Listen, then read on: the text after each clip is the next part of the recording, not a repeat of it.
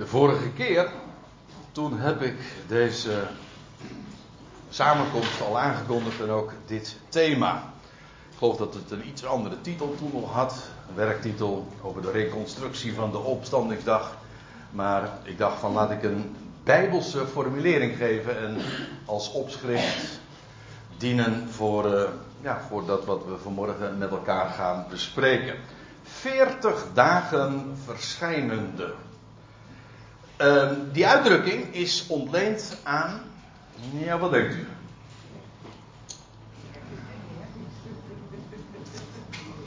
Ja.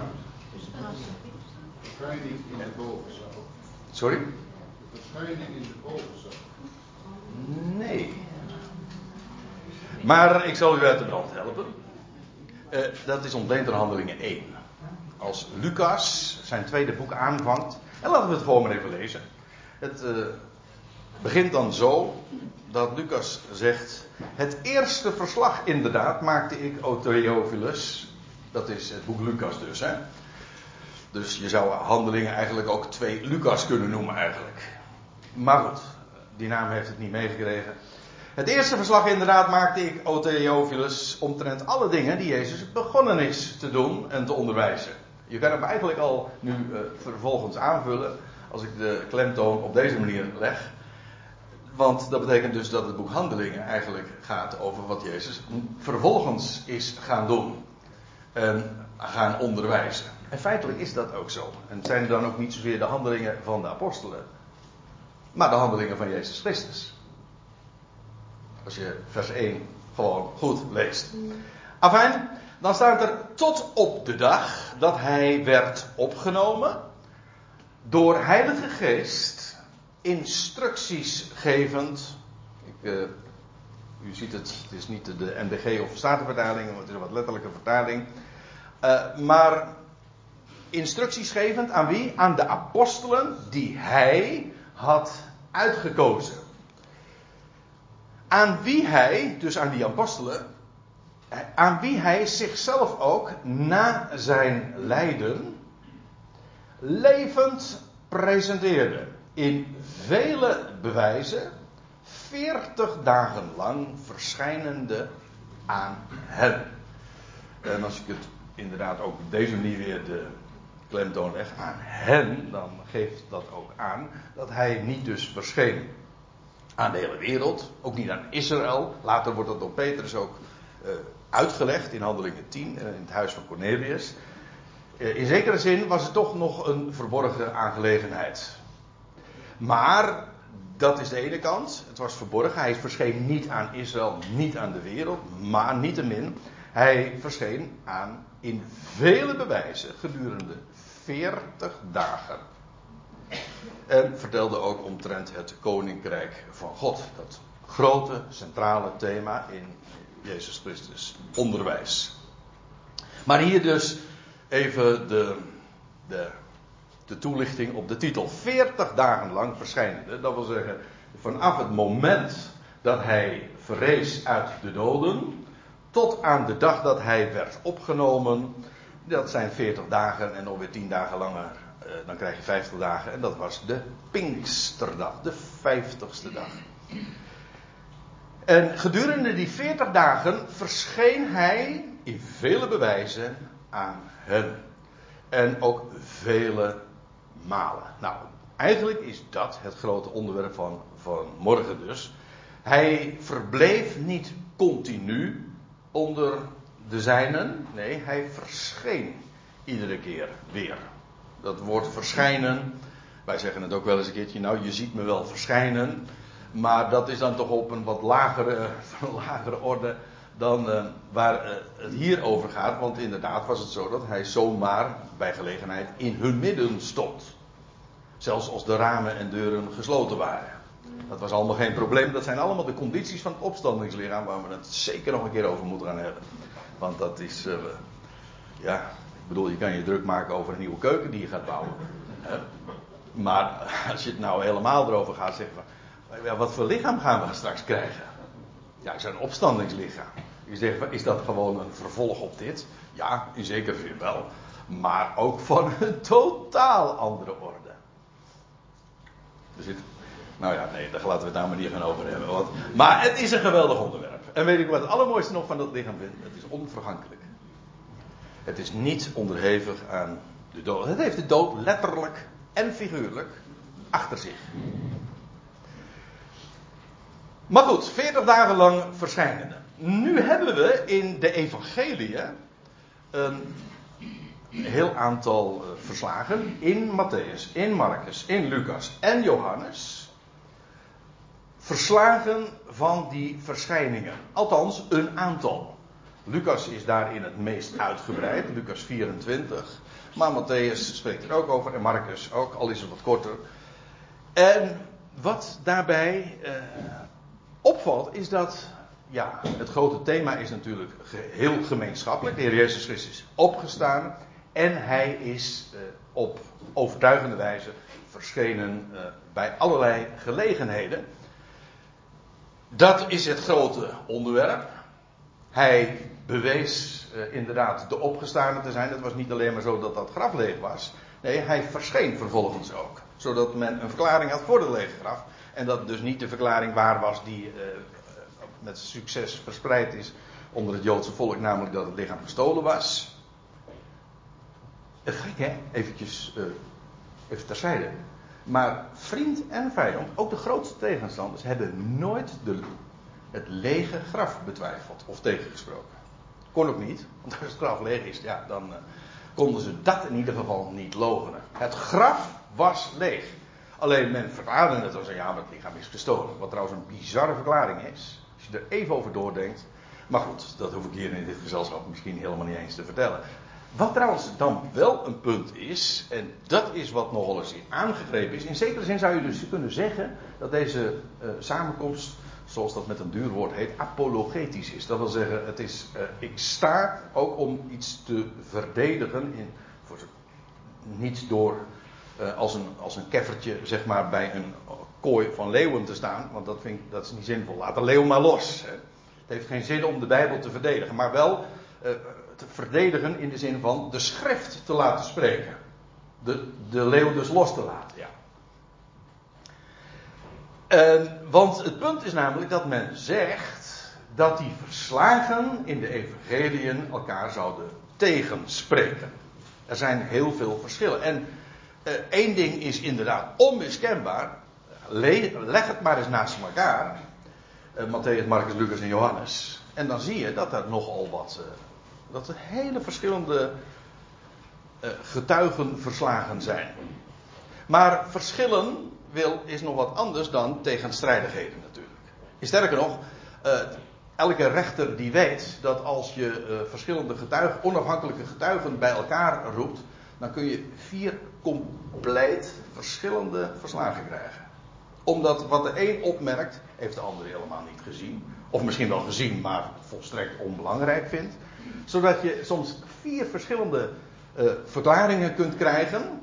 Die op allerlei manieren afwijken van elkaar. Maar wat helemaal niet betekent, uiteraard, of uh, per definitie, dat ze dus tegenstrijdig zouden zijn. En dat wil ik vanmorgen ook inderdaad laten zien, want wat zegt men uh, bijvoorbeeld in Johannes, als het gaat om de dag van de opstanding, dan wordt er maar één vrouw genoemd die bij dat graf was. Maria Magdalena, we komen er straks op terug. In Matthäus worden er twee vrouwen genoemd. In Marcus worden drie vrouwen genoemd. En om het nou even compleet te maken. In Lucas worden er vier genoemd, maar ik denk eigenlijk vijf. Maar die vijfde wordt, ik krijg geen naam mee. Dus uh, ja, de namen van vier worden er genoemd, laat ik het dan zo zeggen. En is dat tegenstrijdig? Ik bedoel, als Lucas zegt vier namen van vrouwen vermeld die naar het graf gaan. En Marcus zegt, die noemt drie namen. En Matthäus twee. En Johannes noemt er maar één. Is dat tegenstrijdig? Nee.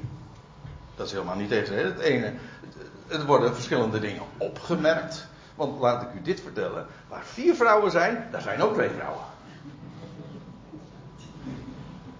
Denk daar maar eens over na. Ja. Uh, maar uh, dat geldt trouwens niet over, alleen over het aantal dames. Uh, die trouwens, laten we. Want, Mij worden wel eens een keer patriarchale en ouderwetse standpunten verweten als het gaat om seksen en uh, gender en zo. Maar laten we, laat ik het vanmorgen dan even rechtzetten. De dames hebben een hele prominente rol als het gaat om uh, de dag van de opstanding. Prominent en primair ook. Dus laat ik dat even met ere vermelden. En ik moet er eigenlijk ook bij zeggen, de dames die hadden toch gelijk. Ook daar kom ik straks nog even terug. Ja, u zegt, ja, dat wist ik al lang natuurlijk. Tenminste, dat zegt de helft van dit gezelschap natuurlijk. En ik laat maar even in het midden welk gedeelte.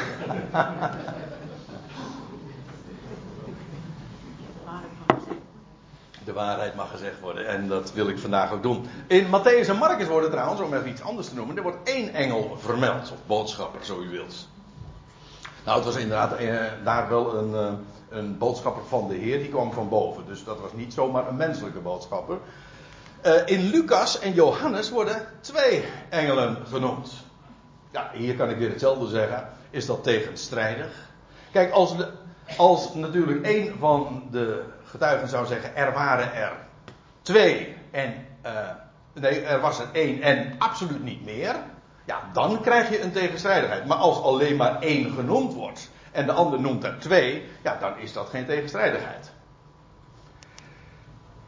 Wat uh, nog een, een, verschil, ik noem zo even een aantal die dan uh, dikwijls worden opgemerkt. En als je die verslagen leest, ja, dan, dan, dan struikel je daar in zekere zin ook over, dat is heel duidelijk. Johannes en Petrus, die zien geen engelen. Als je even later in hetzelfde verslag kijkt, dan komt Maria van Magdalena, uh, die komt, of Maria Magdalena, die komt daar dan ook bij het graf. En die ziet daar in het graf nog een, niet eens één, maar zelfs twee engelen aan de voeten en het hoofdeinde zitten. Maar ik zeg weer bij, dat is in feite informatie die elkaar gewoon keurig kan op. Uh, kan aanvullen. En dat is ook het geval. Nog eentje, die is heel interessant, daar gaan we straks op terugkomen. Uh, ik trouwens op al deze dingen zekere zin. Maar uh, deze moet even opgemerkt worden. In, en dit is wat heel dikwijls wordt aangevoerd als zeg van, kijk, hier is een tegenstrijdigheid. Want in Johannes 20 lees je dat Petrus naar het graf gaat voordat de Heer Jezus verschijnt aan Maria, Magdalena. Als je in Lucas het verhaal en het verslag leest, dan staat dat Petrus inderdaad naar het graf ging. Maar dat wordt dan uitdrukkelijk na de verschijning aan Maria en trouwens ook aan de overige dames uh, beschreven. En men zegt van kijk, dit kan niet beide waar zijn. Is dat zo? Tenzij ze Petrus twee keer naar het graf gegaan is. En dat is inderdaad het geval. Maar nou eh, loop ik een beetje voor de fanfare uit. Want, uh, oh, nog even een opmerking vooraf die ik wil maken. En dat is dat ik. Niet dat het nou zo heel veel uh, grote consequenties heeft, maar ik noem het niet. Uh, Marcus 16, vers 9 tot 20. Dat is het laatste, het slot Kijk maar in uw Bijbeltje na, dat staat tussen vierkante haken. En ik denk dat er hele goede redenen zijn dat dat een later toevoegsel is aan de schrift. Het, het punt is namelijk dat deze passage ontbreekt in de meerderheid van de grote handschriften van het Nieuwe Testament. Dus ik laat het gewoon buiten beschouwing. Maar als u zegt van ik denk wel dat het authentiek is, uh, dan heb ik daar ook trouwens geen probleem mee. Ik laat het gewoon nu buiten beschouwing. En voor het verhaal van vanmorgen heeft het in elk geval geen consequenties. Nou, ik ga een heel aantal punten nu eens eventjes op een rijtje zetten. 17 of 18 als ik me niet vergis. En dan zijn we er trouwens nog niet, dus ga er eventjes lekker voor zitten. Gewoon een aantal dingen die van belang zijn om, en met name ga ik even in op wat er op de opstandingsmorgen is gebeurd. Want uh, juist op dat terrein liggen ook de, de verschillen in de evangelie. En wat we eigenlijk doen is, wat een detect, detective ook doet, is, uh, ja, of een rechter, die gaat een verhaal van verschillende getuigen uh, reconstrueren. Dat wil zeggen, die probeert het allemaal in elkaar te passen, eigenlijk als een soort van puzzel. Je hebt allemaal stukjes, oké, dat is daar gebeurd. En dan moet dat, uh, daar gebeurd zijn. En dan moet je gaan kijken of die puzzelstukjes inderdaad passen. Dan zeg je, nee, dat lukt niet. Nou, dan moet je, nog, dan moet je werk over doen. Hè? En eigenlijk is dat wat we vanmorgen ook doen. Die verslagen, eh, zoals dat dan heet, harmoniseren. Ik hou niet zo van het woord, want het suggereert alsof het al geen harmonie zou zijn. Het punt is juist, die, eh, zoals dat in muziek ook zo is. Je hebt, eh, je hebt stem en je hebt tegenstem, maar dat wil niet zeggen dat dat, eh, dat, dat niet klinkt. Integendeel, dat is juist ook harmonie. Als verschillende stemmen, geluiden eh, zodanig klinken dat het elkaar aanvult op een prachtige, harmonieuze wijze. Punt 1. Dat is, eh, ja, met recht punt 1. Want het was namelijk ook dag 1. Eh, dat, nu gaat het eventjes over de puur de datum van eh, waar we het over hebben. Het is dag 1 van de Sabbatentelling. Ik zeg dat er even bij. Trouwens, eh, u ziet iedere keer dan een, in superscript even zo'n footnote. En dan hier zie je de teksten. Ik ga ze niet allemaal langs. Dat zou echt veel te veel. Ik wil het proberen in een, in een, in een, in een samenkomst zo dit neer te zetten. En ik heb er hier allemaal de bonnetjes bij gezet. En als je dat wil nalezen, dan kun je dat gewoon allemaal terugvinden. En het is aan u natuurlijk om als een ware beheer te checken of, dat waar, of het klopt wat ik zeg. Het is dag 1 van de Sabbatentelling. Dat zeg ik er even bij, omdat in de gewone vertalingen altijd staat: het was de eerste dag van de week. Wat ik trouwens helemaal geloof, dat het inderdaad, dat ook dat is een omstreden kwestie, dat weet ik. Maar ik geloof inderdaad dat de Heer Jezus op de zondag, de eerste dag van de week, daags na de Sabbat, na de zaterdag, verrees uit het graf. Maar de uitdrukking de eerste dag van de week is een hele slap aftreksel van wat er echt staat. Het was namelijk niet zomaar een zondag. Het was één dag van de Sabbatten. Namelijk van de Sabbattentelling. En dat is een belangrijke dag op de uh, kalender van God. Want God heeft hoogtijden. En een van de hoogtijden in de eerste maand was de dag van de eerstelingsschoof. Dan werd de, eersteling van de gerstenoogst werd door de priester bewogen en aan, bij God aangeboden. En dat was de dag van de eerstelingsschoof. En wat was dat voor een dag? Dat was daags na de Sabbat trouwens, staat erbij. Dat lees je allemaal al anderhalf uh, millennium voordat de Heer Jezus opstond uit de doden, was dit al gewoon gefixeerd door, in de schrift. Die datum, die dag. De dag van de eerstelingsschoof. En vanaf die dag, en dat is het punt, ging men uh, dagen tellen. 50 dagen tellen en ook zeven sabbatten tellen. Vandaar ook dat die periode genoemd wordt vanaf de dag van de eerstelingsschoof tot aan Pinksteren wordt de, de dagen van de Omer-telling genoemd. Dat wil zeggen de dagen van de, uh, van de, de telling van, ja, van dagen en van sabbatten. De sabbattentelling. En dit was dag 1. Het was op een zondag, dat is waar. Maar de vertaling, de eerste dag van de week, doet absoluut geen recht aan wat het echt was. Namelijk, was de dag van de eerstelingsschoof. Het was een hoogtijdag. Namelijk dat de eersteling van de oogst, van de gerstoogst, bij, aan God werd aangeboden. Dus dat veel meer dan alleen maar dan een zondag. Het was maar niet zomaar een willekeurige zondag. Nee, het was een hoogtijdag. En wel de dag van de eerstelingsschoof. En ja, als ik het zo zeg, dan, dan gaan natuurlijk alle lampjes knipperen. Want dan vinden ze, ja wauw, geweldig. Dit is de dag. Dit is de dag die de Heer gemaakt heeft. Laten we ons daarin verheugen. Maar dat is weer eventjes een andere tekst dan. Ja, waarom? Het was namelijk de dag dat de eersteling opstond uit de doden. De eersteling, ja, en nieuw, als, een nieuw leven aan het licht bracht. Dus niet zomaar een, een zondag, nee, het was een hoogtijdag in het jaar, de dag van de eersteling. Waarvan akte, daarmee is feitelijk ook de toon gezet. Nou, wat er gebeurde al heel vroeg op die dag, is dat enkele vrouwen, en ik noem ze hier even bij name, Maria Magdalena, Johanna, Maria van Jacobus, Salome, Salome, of, en ja, ik noemde maar eventjes Mrs. X. Uh, ik weet namelijk haar naam niet. Maar uh, ja, en ik heb hier de teksten erbij genoemd. Hier, deze namen zijn bij elkaar gesprokkeld. Dat is dus wat ik bedoelde met dat uh, puzzels. Je, ja, want Matthäus noemt er maar één en Marcus noemt er twee. Nou ja, ik zei het al. Dus, en dan lees je in Lucas dat er nog enige vrouwen bij waren ook. Dus er waren er minstens vijf. Er zijn er ook die zeggen het waren er zes of zeven. Maar goed, dat, dat doet even niet de zaken. Enkele vrouwen, in ieder geval. Vrij ruim genomen, want het waren, dat was een hele clubje dus. En die, eh, dat waren trouwens vrouwen, dat lezen we ook nog in Lucas 23.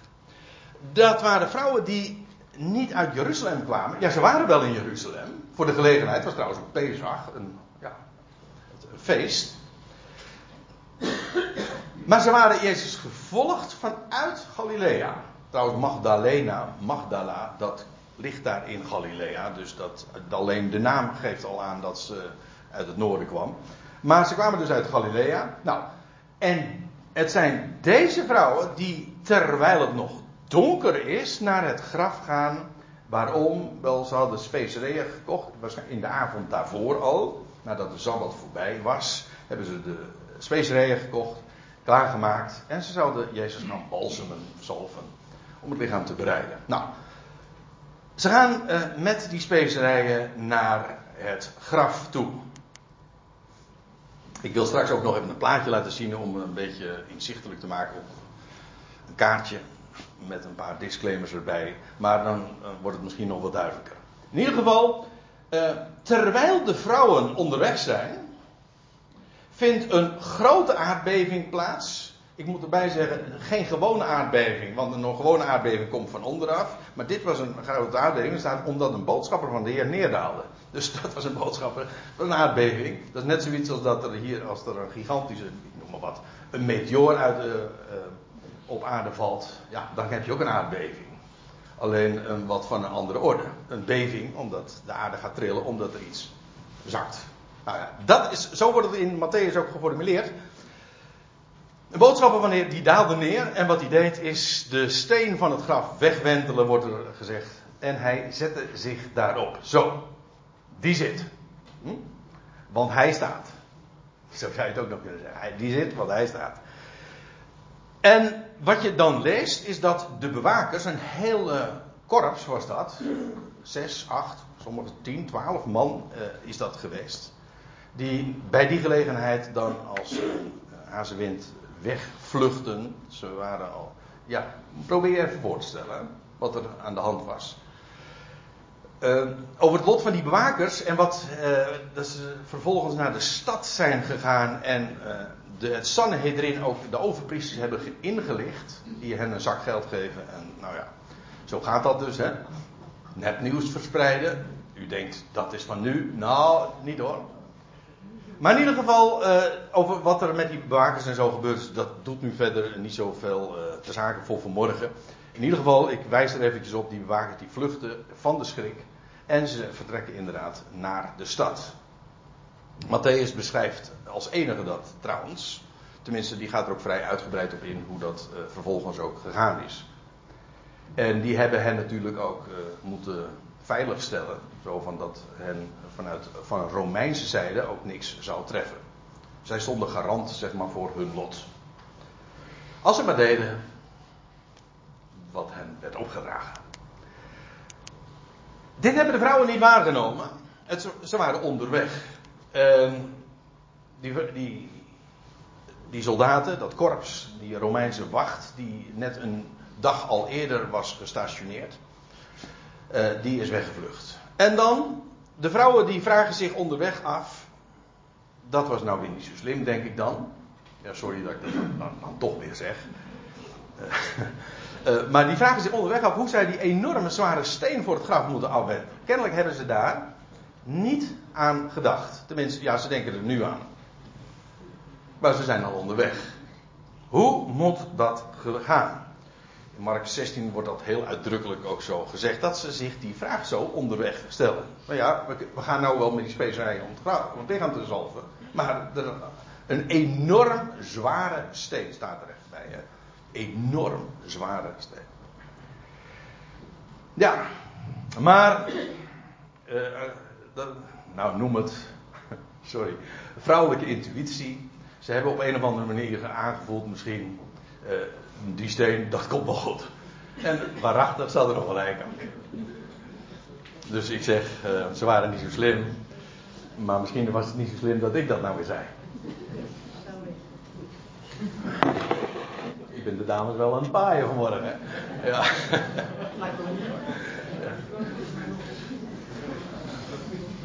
Ik hoor je denken van, heb je iets van me nodig of zo? Afijn, dat is de vraag die ze stellen. En vooruitgelopen, uh, terwijl het nog donker was, arriveert Maria Magdalene. Dat moet ik er ook nog bij zeggen. Zij zijn gaan, ik ga ervan uit even, het staat er niet expliciet, maar ik ga er even vanuit dat zij in de stad hebben overnacht. En dat zij vanuit de stad eh, naar, ja, naar buiten de stad gaan, want de Jezus was immers buiten de poort, heeft hij geleden. Ik kom daar straks op terug. En daar was trouwens ook de graftuin, want de graftuin was ter plaatse waar hij gekruisigd was, dus dat was eh, vlakbij. Maar Maria, waarvan gezegd wordt, uh, verondersteld wordt, een van de redenen is dat zij waarschijnlijk de jongste van het gezelschap is en die uh, veel sneller is gegaan en die zijn, is de andere dames uh,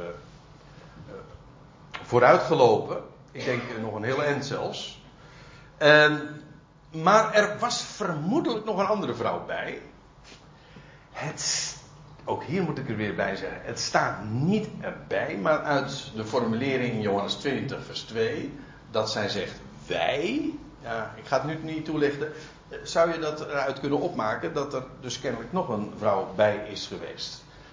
Die speelt geen rol, dus ik laat het even uh, rusten. In ieder geval, Maria Magdalena, die was uh, het gezelschap van dames vooruitgelopen. En die komt uh, Terwijl het nog donker was, staat er heel uitdrukkelijk bij in Johannes 20. Bij het graf. En wat ziet ze? De afgewentelde steen. En Maria is gealarmeerd dan. Want zij eh, veronderstelt, en dat zegt ze ook trouwens. Eh, als ze inderdaad bij Simon, eh, Petrus en Johannes arriveert. Van, eh, nou ja, die is eh, buitengewoon ontsteld over wat zij nu ziet. Namelijk dat die, die steen is afgewenteld. Er staat in, uh, in Johannes 20 dan.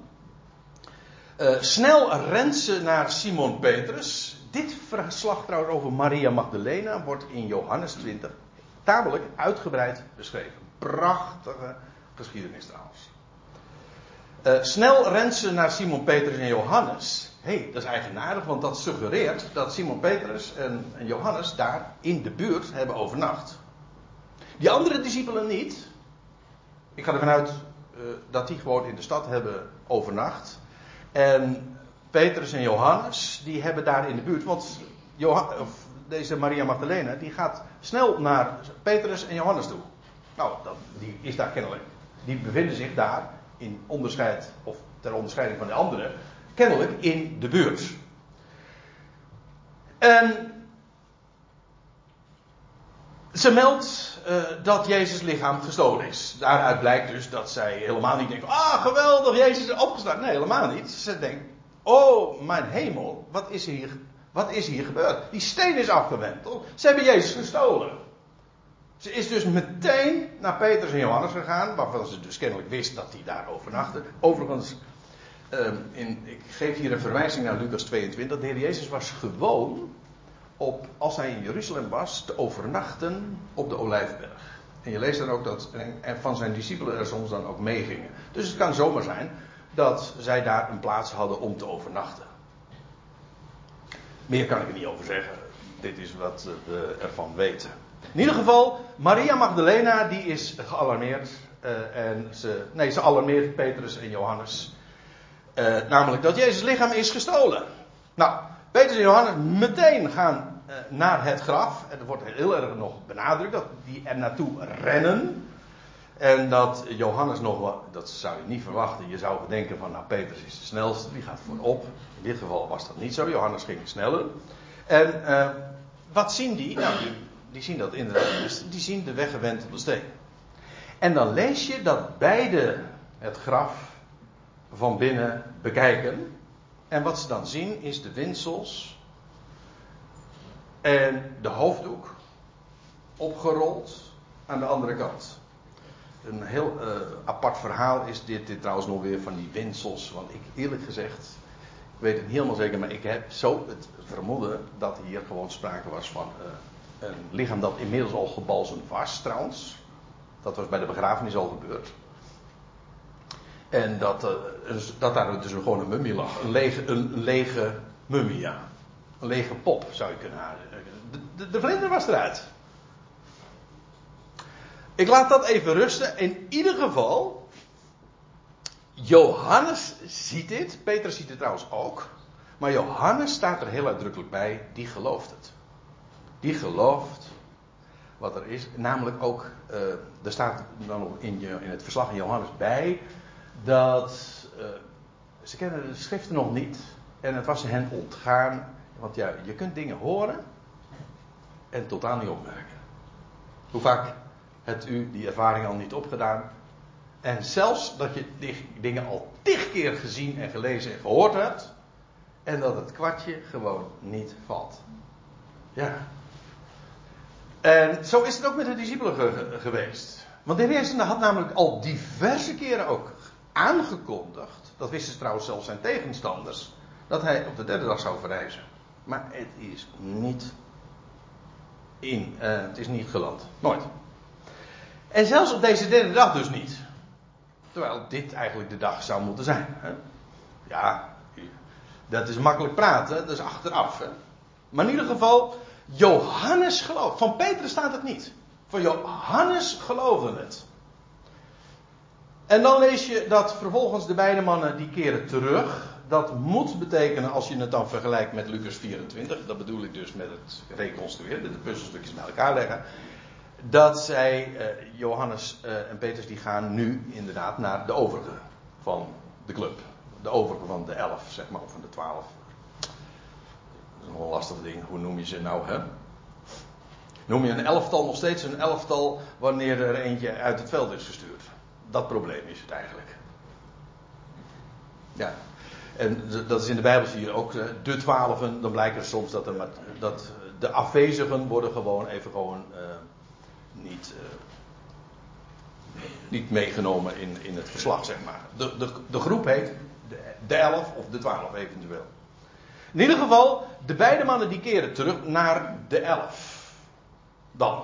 Want ja, uh, zij gaan nu ook rapporteren dat de steen is weggewenteld. Johannes geloofde, hij wist nog niks, maar die heeft wel in de gaten van zou het dan toch zo zijn? Dat. In ieder geval, die beide mannen hebben dat gezien en die keren dan terug. Dit kan trouwens allemaal in, in no time gebeurd zijn. Als, als inderdaad Johannes en Petrus uh, in de nabije omgeving van het graf hebben overnacht. En ze zijn gealarmeerd en ze, zijn gaan, ze rennen daar naartoe. Dan kan dat in, in een kwestie van een paar minuten. Ik, ik zeg het eventjes erbij, want we zullen straks dat eigenlijk ook loop je er ook weer tegenaan. Dit moet allemaal heel snel gegaan zijn. En vervolgens, ze zijn dus gealarmeerd. Vervolgens, uh, of nou laat ik het anders zeggen. Maria, die komt daar terwijl het nog donker was. Ze ziet de steen weggewenteld. Ze gaat naar, Johannes en Petrus toe, uh, die daar in de buurt dus kennelijk verbleven. Die twee rennen naar het graf en ze kijken er binnen. En nou, dat. En vervolgens keren die naar huis. Dan komt Maria van Magdala er weer uh, om de hoek kijken. Want ja, die had die twee uh. En die was nou ook weer teruggekomen naar het graf. Maar kennelijk niet rennend. Iets langzamer.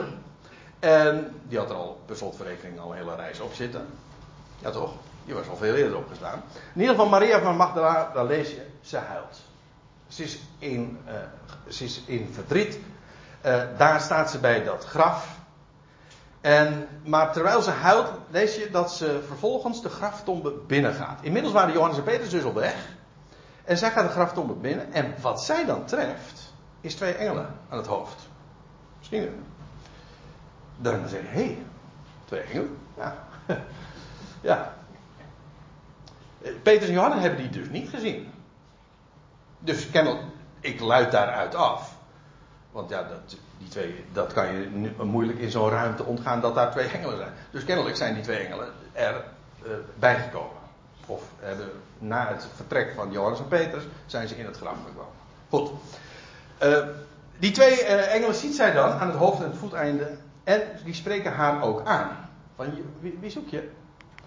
Nou, en dan lees je dat Maria ook antwoord geeft. En als ze zich dan omkeert, ik zei al, in Johannes 20 wordt dat allemaal uitgebreid beschreven. Prachtig. Uh, zoals dat gegaan is. En dan lees je dat Maria zich omkeert en dan ziet ze Jezus staan, maar ze realiseert zich helemaal niet dat dat Jezus is. Ze denkt dat het de tuinman is. En dan noemt Jezus, en dan zegt ze nog van ja, nou, als u, hem nou gestolen hebt, zeg dan even waar, u hem neergelegd hebt. Dan kan ik hem gewoon weer wegnemen. Dat. En dan is jij, dan zegt Jezus één ding. Maria. En die stem, op de wijze waarop hij dat zegt, en eens vallen de schellen van haar ogen. En ze Rabuni. En, nou ja, uh, lees het verslag. Geweldig. Zij is de eerste die de laatste Adam ontmoet. Eigenlijk is hij een soort van Eva. Hè? Hier in de graftuin, in de tuin. De laatste Adam is opgestaan. En zij ontmoet ja, de tuinman, hè? Adam.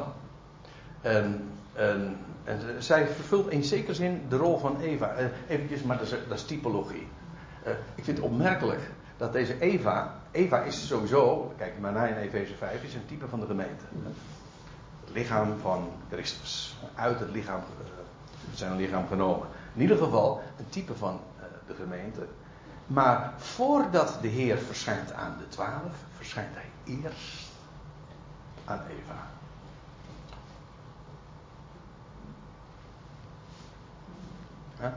Nou, uh, bij deze enigszins cryptische opmerking wil ik het laten. In ieder geval, Jezus noemt haar naam, zij herkent hem onmiddellijk. En dan zegt Jezus, uh, die draagt daarop, het zijn broeders te berichten. Want ja, dat, zij zouden de echte getuigen zijn. Dit is Jezus' eerste verschijning op die dag. En dan lees je inderdaad, zij gaat dus de, naar de broeders toe. Inmiddels is de zon opgegaan. Daarom zei ik zojuist al, het moet allemaal in, in, in een kwartier of zo, stel ik me zo voor, gegaan zijn. Dat je dan vervolgens leest, inmiddels is de zon opgegaan en arriveren ook die andere vrouwen. Die zijn dus een stuk trager. Dus ik denk dat het ook nog een flinke reis is geweest. Ik wil dat straks ook even laten zien. Die zij hebben moeten ondernemen om naar het graf toe te gaan. In ieder geval, die andere vrouwen waren niet zo snel. En die komen nu ook bij het graf. En maar nu is de zon inmiddels ook opgegaan. En wat zij zien, net als de eerdere Maria al, de weggewentelde steen van het gelegen graf. En ze zien ook twee engelen. Ook twee engelen. Dus diezelfde uh, die ook uh, Maria Magdalena had gezien. En die vertellen hen van de opstanding. Wat zoek je? De levende bij de doden. En dan staat erbij dat hen dat wordt opgedragen om dat aan de broeders te vertellen. Dat wil zeggen aan de andere discipelen en die hele groep, zeg maar. En er staat er nog bij, vertel het de, de discipelen en aan Petrus. Staat erbij. In, um, wat is het? Marcus 16. Ja, vers 7. U ziet het, ik heb hier een hele rits van schriftplaatsen. Allemaal om even, als je de dingen wilt checken, van hoe staat het er dan precies. In ieder geval, deze uh, dames die krijgen daar dus bij het graf inderdaad te horen van die engelen. Van hoe, uh, wat er eigenlijk aan de hand is.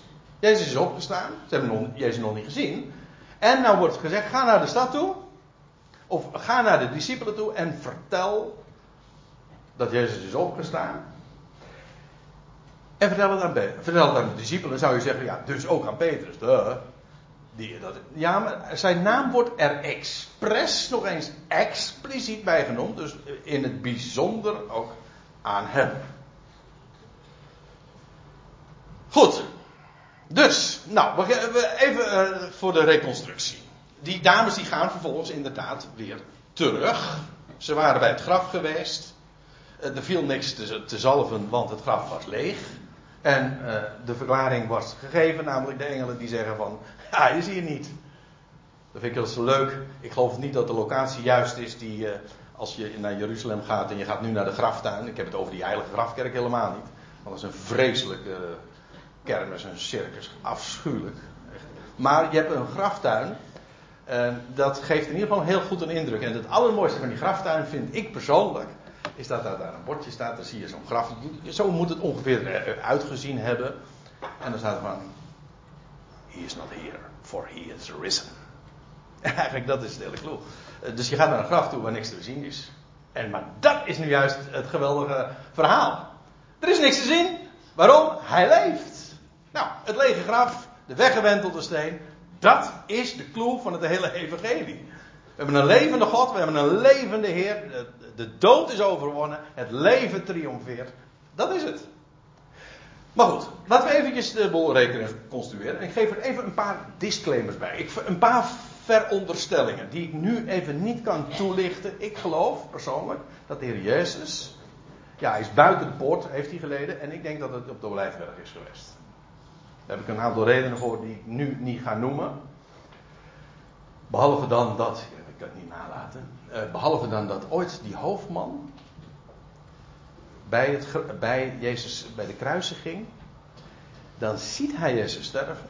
En hij ziet ook het gordijn van de tempel. Niet in de tempel, maar van de tempel. Dat reusachtige gordijn van 25 meter hoog ziet hij van boven naar beneden scheuren.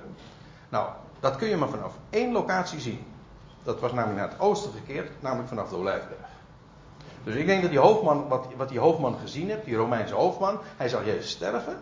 En hij zag tegelijkertijd het gordijn van de tempel scheuren. En dat kan maar vanaf één locatie geweest zijn. Trouwens, typologisch, maar dat vind ik niet echt een goed argument. Maar ik heeft wel een mooie bevestiging. Eh, dat is het eh, zo voor de hand liggen dat de Heer Jezus daar inderdaad stierf. En daar verrees uit de doden. Daar, hebben, daar heeft de olijfberg alles mee te maken. Maar goed, gaan we het even vanuit dat de Heer uh, inderdaad op de olijfberg is uh, gekruisigd. Maar dus ook is opgestaan. Want ja, dat was één plek. Dat was dichtbij uh, in de buurt. Ik ga er dus ook even vanuit dat Petrus en Johannes, maar daar hadden we het al even over vlakbij dat graf hebben overnacht. Die, die hele routes, die plaatjes, die kunt u gewoon allemaal vergeten. Het gaat even om een, een mogelijk scenario. Om even een klein beetje dat uh, topografisch een plek te kunnen geven, zo, hoe het gaan kan zijn. Dus de dames, laten we even ervan uitgaan dat die dames die zijn via uh, Tempelplein, je had hier een tempel, boven het Kidrondal had je een, brug. En die zijn dan misschien zo gegaan en dan komen ze bij het graf. Eerst Maria Magdalena, later ook die andere vrouwen. Maria Magdalena die is hier naartoe gegaan en vervolgens zijn ze uh, weer met, Petrus en Johannes zijn ze hier uh, teruggegaan. En, maar wat er gebeurde is dus, uh, want toen de Heer Jezus opstond, toen zijn die, die, die wachters van het, bij het graf, die zijn linea recta naar de stad toe gegaan. Dus die zijn, laten we eventjes dat proberen voor te stellen, die zijn dus richting de stad gegaan. Vervolgens uh, gaan Petrus en Johannes, die komen bij het graf en die merken op van, hé, hey, en Johannes die gelooft bovendien, maar ook die gingen meteen naar de andere discipelen toe. Dus die gaan ook vervolgens naar de, weer naar de stad toe, waar de verblijfplaats van de overige discipelen is. Daarna vertrekt Maria van Magdala. Nadat Petrus en Johannes daar van het graf weggaan, vertrekt Maria Magdala, van Magdala nadat de Heer aan haar verschenen was. En die had gezegd van, ga naar mijn broeders toe, vertel het hen, bericht het hen. Dus die is ook gegaan. Of ze via dezelfde route is gegaan, dat weet ik niet. Dat kan ook hier zijn. Dat weet ik niet. Er zijn een heleboel uh, open dingen. Uh, maar goed, in ieder geval, ze zijn allemaal, daar gaat het eventjes om. Eerst gingen de wachters. Vervolgens gingen Petrus en Johannes. Daarna Maria van Magdala. En vervolgens ook de andere vrouwen. Want die andere vrouwen komen dan als laatste bij dat graf. En die krijgen van die engelen te horen van. Ja, Jezus, wat zoek je de levende bij de doden? Ga naar de discipelen en vertel aan hen en aan Petrus dat Jezus is opgestaan. Dus die gaan ook weer naar de stad toe. Ja? Dus, om even een indruk te wekken hoe, dat, eh, hoe ze inderdaad eerst naar het graf gingen, en maar ook vervolgens weer vanaf het graf weer teruggingen naar de stad. Terwijl de vrouwen onderweg zijn, die gingen dus richting de stad weer. Die, gingen, die zouden het de discipelen gaan vertellen. Terwijl de vrouwen onderweg zijn naar de discipelen, verschijnt Jezus aan hen ook.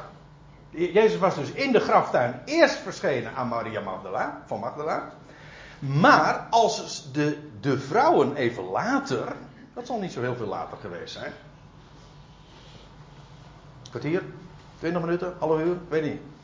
Uh, die, die, zijn dus weer uh, teruggegaan naar, uh, nou, die gingen de stad weer in, naar de discipelen toe. En onderweg lees je in Matthäus 28, u ziet het, nou ja. Ja, ik, ik, voel me soms een beetje schuldig als ik zo alleen maar aan deze teksten geef zonder daar naartoe te gaan. Maar u begrijpt, dat kan nu even niet anders. In ieder geval, zij gaan, zijn onderweg. Jezus verschijnt ook aan hen nu. Nadat eerst de boodschappers al hadden verteld hoe de vork aan de steel zat. En, ze moest, en dat ze naar de stad moesten gaan. Verschijnt Jezus nu ook aan hen. En uh, wordt er ook bij gezegd, en dat is trouwens iedere keer wat opvalt in alle verslagen, Matthäus, Marcus en Lucas, dat iedere keer gezegd wordt, uh, we zien elkaar straks in Galilea. Naar de plaats, naar de berg die de Heer had aangewezen. Daar zou een grote meeting kennelijk plaatsvinden. Uh, ook dat hij hen dus zou treffen in Galilea. Dit is Jezus' tweede verschijning. Eerst aan Maria van Magdala en even later ook aan de andere vrouwen. Die inmiddels alweer terug waren en, uh, en de discipelen gingen berichten. Ja? Is het allemaal nog een beetje te volgen? Oké, dan gaan we verder. Punt 13.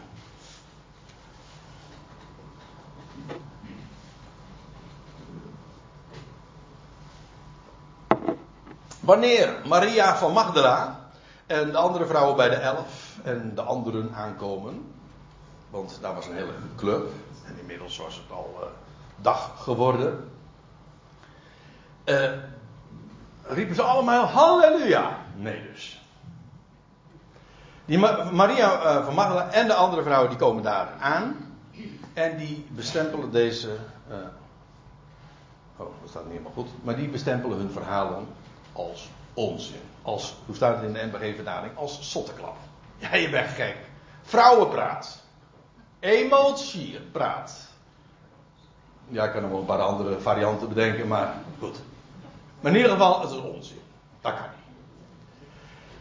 En, en nou komen we.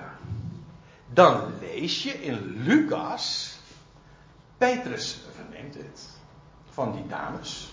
En die gaat weer naar het graf. Ja, ik zeg nu weer, want we weten dat hij al eer, veel eerder bij het graf was. Maar dan staat er, Petrus, die hoort het. Allemaal zeggen ze van die discipelen. Ik denk uitgezonden trouwens uh, Johannes, want die geloofde al. Maar de rest die geloofde er geen barst van. En Petrus, wellicht ook omdat zijn naam was genoemd. Want hij had toch gezegd tegen die vrouwen: vertel het mijn discipelen en aan Petrus. En Petrus, ja, nou wat zeg. Dus Petrus verneemt dat verhaal van hen. Allemaal zeggen ze onzin. Petrus waarschijnlijk ook. Of nou ja, nou dat weet ik niet, dat vul ik nu zelf in. Maar in ieder geval, Petrus doet een check. Hij was al bij het graf geweest. En dan gaat hij opnieuw. Dus het hele verhaal van is Jezus, dat was uh, het bekende verwijt. Hè? De verslagen in de evangelie bespreken elkaar tegen, want het ene verslag zegt dat Petrus al voor de verschijning aan de dames al in het graf is geweest. En in Lucas staat dat het er daarna was. Zie je wel, het klopt niet. Nou, dat noem ik leuterkoek. Dat noem ik onzin. Want waarom zou dat niet beide? Want in dit geval, Petrus had reden om dit te checken. Al was het maar omdat zijn naam uh, nog eens een keertje heel expliciet genoemd wordt. Petrus gaat gewoon opnieuw naar het graf toe. En wat hij dan ziet, is het graf. Ja, het lege graf. En wederom die winsels. Dus hij wordt ja, bevestigd in wat hij al eerder had uh, gezien. Uh, tot zover gebeurde er dus nog niks. Hij ziet alleen maar van, ja, nou, hij, hij, heeft het nog een keer gecheckt en hij kan het bevestigen. En hij moet toch in ieder geval gezien hebben dat wat de vrouwen gezegd hebben, vooral ook over de hele orde van die winsels, dat het toch een heel waarschijnlijk verhaal is. Want het is natuurlijk bizar om te veronderstellen dat dat lichaam gestolen zou zijn en dat die winsels dan, dat doe je toch niet als je een, een lichaam steelt. Trouwens, wie, wie heeft er belang bij? Nou ja, trouwens, het verhaal was dat de discipelen dat gedaan zouden hebben. maar zij, nou, als er één categorie, één club niet mentaal zeg maar in staat was om te stelen. En trouwens ook niet in het minste ambitie daartoe had. De spirit en de en lef. Dan waren zij het wel. Dus de hele veronderstelling is gewoon. En psychologisch en als je het helemaal reconstrueert. Gewoon bizar. In ieder geval. Eh, weer Petrus bevestigt. Ja, daar liggen die wensels. En dan. Dan moet later op de dag geweest zijn. Verschijnt Jezus verschijnt Jezus aan Petrus. En Paulus, als je dat in 1 Korinthe 15 naleest, die vermeldt het zelfs als de eerste verschijning. Die, de verschijning aan de vrouwen, die noemt Petrus niet. We hebben het, kort geleden hebben we het er al eventjes over gehad. Waarom dat zo was. Uh, in ieder geval, de vrouwen waren geen niet de kroongetuigen. Eigenlijk, dat is eventjes uh, tussendoor. Maar die vrouwen die worden ingezet. Maar eigenlijk om het aan de, de discipelen te vertellen. Zij moesten het gaan getuigen. De vrouwen hebben in die zin hier in dit verhaal een wat instrumentele functie. Dat wil zeggen, ze dienen om de apostelen in te lichten. In ieder geval, uh, in 1 Corinthië 15 wordt dat als de eerste verschijning dan gebrandmerkt. Van, in ieder geval van, een, van de kroongetuigen. De beide uh, verschijningen aan de vrouwen worden niet meegerekend door Paulus. Bij vertrek uit. Ja, dat is trouwens ook nog een punt. Ik denk namelijk dat dat niet bij die gelegenheid is geweest. Kijk, als Petrus, eventjes voor de goede orde. Die vrouwen die zijn dus bij uh, de discipelen aangekomen in de stad. Die discipelen zeggen onzin. Vervolgens Petrus die zegt van, ik ga toch nog eens eventjes na. Dus die is vervolgens weer teruggekeerd naar het graf. En bevindt inderdaad, het is leeg. En je ziet die winsels dan weer. Je zou denken van, is de Heer misschien bij die gelegenheid meteen al aan hem verschenen? Ik denk het eerlijk gezegd niet. Ik denk dat het pas later was. Op de dag. Ik vind het niet echt een halzaak. Maar uh, het ene het, waarom ik dat denk, is omdat bij toen later de Emmausgangers, als u, ik ga er even vanuit dat u de geschiedenis een klein beetje kent, die twee mannen of uh, twee mensen die naar, van Jeruzalem naar Emmaus later op de dag gingen het was inmiddels al tegen de avond, dan die, van, die wisten wel van de praatjes, die, sorry, van de, uh, dat wat de vrouwen hadden verteld, zij, noemden dat praatjes. Nu hebben ook nog enige vrouwen uit ons midden ons ontsteld, dat zij een verschijning van engelen hebben gezien en, nou ja, en dat. Ze waren daarover ontsteld. Ze verbijsterden dat het zo zou zijn gegaan. Maar ze, dan, Stel je voor dat Petrus inmiddels op dat moment, dat zij al wisten van de verschijning aan Petrus, dan hadden zij, dan hadden, had voor hen het verhaal al heel anders geweest. Dus daarom denk ik dat, dat de verschijning aan Petrus op een later moment in de dag is geweest. Goed, dat is uh, zomaar wat een overweging. De verschijning aan Petrus was de derde verschijning op rij, als we gewoon even alles meetellen. Dat doen we nu dus even. De eerste, hij was de eerste kroongetuige, oké, maar het was de derde verschijning. Dan staat er aan het einde van de middag, nou, dat die geschiedenis wordt uitgebreid beschreven in Lucas 24. Schitterend verhaal natuurlijk van de Emmaus, gangsters zeg ik altijd. Aan het einde van de middag verschijnt Jezus aan de, Emma, aan de twee Emmausgangers waarvan we alleen de naam weten van ene Cleopas en die andere weten we niet. Uh, de Emmausgangers die gaan vroeg in de avond dan uh, weer terug naar Jeruzalem. Dat is heel grappig, hè, want dan hebben ze een heel gesprek gehad. En die, die vreemdeling, die incognito aan hen was verschenen, die, uh, die had de schriften geopend. Nou, u weet het. En op een gegeven moment zeggen ze van, nou, het is avond, blijf bij ons eten.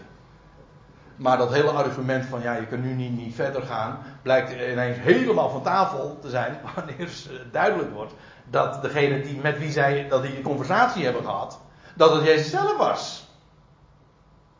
En dan gaan ze gewoon weer terug, helemaal van Jeruzalem naar. Nee, pardon, van Emmaus naar Jeruzalem, waar ze juist vandaan kwamen. Nou, dat is nog een flinke afstand hoor, 60 stadien lees je. Dat is 12 kilometer ongeveer. Nou, heen en weer, dan doe je toch eventjes wel. Uh, ook wel doe je dat snel.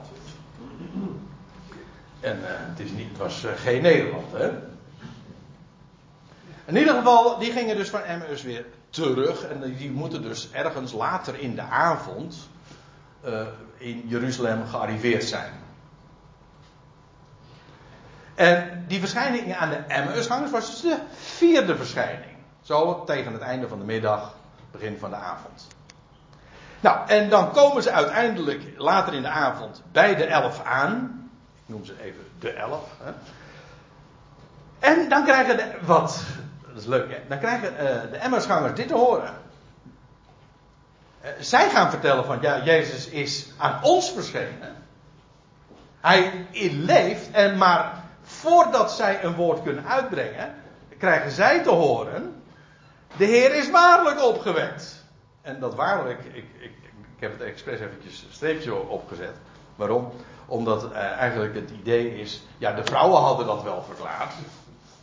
Maar ja, hè, dan je weet wel.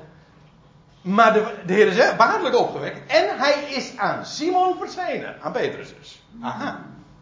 Dat was dus ergens in die tijd geweest. De Emmersgangers zijn vertrokken. En uh, toen wisten ze daar nog niet van. Maar eerder was de Heer dus al aan Petrus verschenen. En de Heer is waarlijk opgewekt. En nu zijn, is het hele gezelschap, minus in ieder geval Thomas, overtuigd. En terwijl ze dan met elkaar in die avond met elkaar spreken, staat Jezus in hun midden.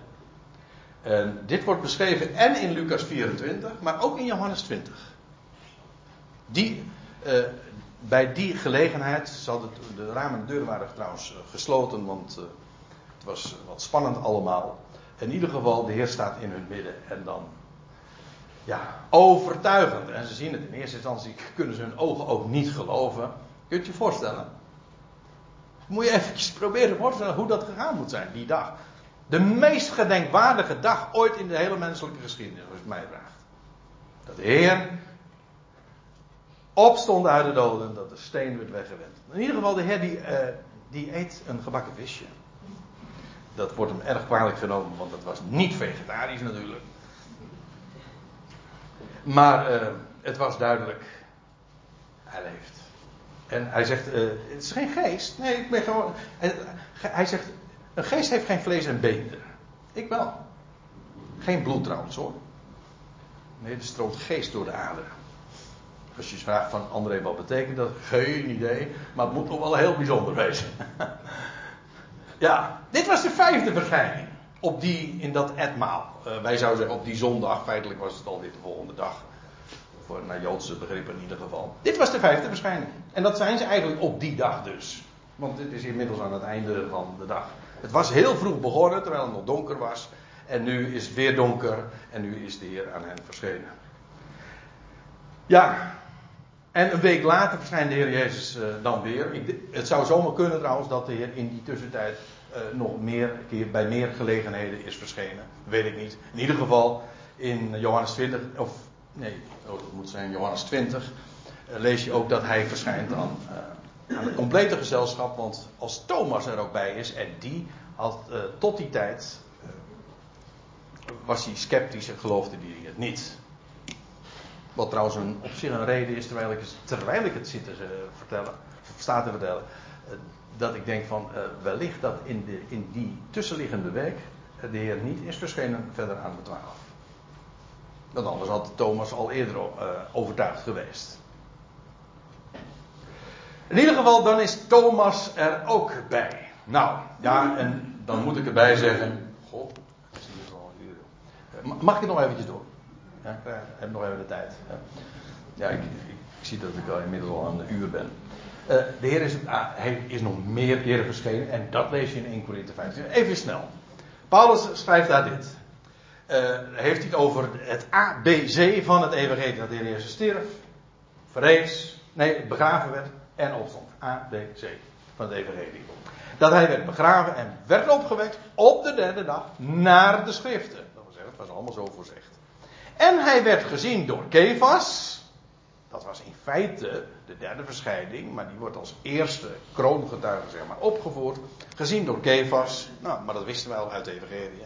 Daarna door de twaalf. De verschijning aan de twee eh, op onderweg wordt hier ook dus niet eens genoemd. Daarna aan de twaalf. Deze lijst is dus ook niet compleet. Uh, dat was op die zondagavond. En vervolgens uh, werd hij gezien door meer dan 500 broeders tegelijk. En ik denk, en daar zijn wel goede redenen voor, denk ik, om aan te, om aan te voeren dat dit die verschijning is geweest, die gelegenheid is geweest, die ontmoeting in Galilea. De Heer had gezegd, verschillende keren, engelen trouwens ook. Want, ga naar Galilea toe. Daar moet je wezen. Want daar uh, had de Heer hen, dus, hoe zeg je dat? Bescheiden om uh, elkaar te treffen. Dus dat is een grote meeting geweest. En uh, wellicht ook de meeting geweest dat de Heer hen instructies heeft gegeven van dat ze uit zouden gaan om alle volkeren te maken tot discipelen. Eerst, te beginnen met Israël natuurlijk. Hè? Vervolgens werd hij gezien door meer dan 500 broeders tegelijk, zegt Paulus. Van wie de meerderheid op dit moment nog over is. Dat schreef Paulus toen. Hè? want u begrijpt, inmiddels eh, zijn die ook wel overleden. Ja. Maar sommigen zijn ontslapen. Dat schrijft Paulus. Paulus zegt dat gewoon van. Uh, ja, hallo. Uh, getuigen plenty hoor. Gaat ze maar navragen. En hij zegt, vervolgens werd hij ook nog gezien door Jacobus. Daarvan lees je niks in de Evangelie trouwens. Maar dat wist hij. De, Jacobus, dat is die broeder van de Heer hoogstwaarschijnlijk dan, die eerst ongelovig was, net als Thomas, zeg maar. Jacob was ongelovig. En doordat de levende Heer aan Jacob verschijnt, wordt Jacob alsnog gelovig. Als mij vraagt, is het heel profetisch. Daarna door alle apostelen. Hey, dat is eigenaardig. Eerst worden er twaalf genoemd en hier alle apostelen. Ja, dat komt omdat er nog 72 anderen zijn. Dat is niet zo bekend. Maar je hebt de twaalf apostelen. Maar je leest ook nog dat de Heer bij een eerdere gelegenheid ook 72 eh, andere apostelen had afgevaardigd. Apostelen wil ik gaan zeggen, afgevaardigd. En die waren er dus ook nog een keertje allemaal bij. Dus de Heer is bij vele gelegenheden en ook aan vele personen verschenen. En zegt Paulus, maar hij rekent zichzelf niet eens mee. Al was het maar omdat dat niet meer in de 40 dagen was. Maar veel later, op een hoger niveau, hoger plan, ja, dat is geweldig. Het laatst van alle is hij aan mij verschenen als aan een ontijdig geborene. Werd hij gezien door mij. En ik zou zeggen, Paulus zegt last and least. Want ik ben de minste. Niet eens waard apostel te heten. Maar wij weten beter, hè. Ja, sorry, dat klinkt een beetje gek. Wij weten beter dan Paulus. Maar Paulus zegt van ja, ik ben niet waard een apostel te heten. Maar zijn genade aan mij is niet over, overbodig geweest, want hij is degene aan wie God nog, eh, aan wie de Heer nog zoveel te melden had. Op het allerhoogste niveau, letterlijk en figuurlijk.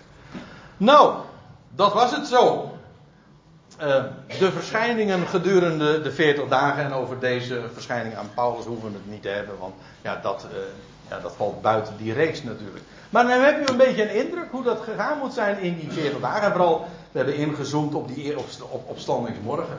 Maar het allermooiste van dat alles is natuurlijk. Wij weten, hij leeft.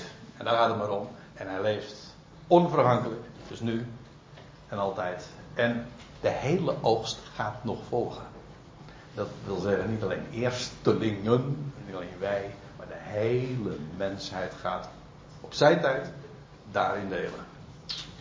Andreas. Laten we daar muzikaal zeg maar een punt of een uitroepteken achter zetten.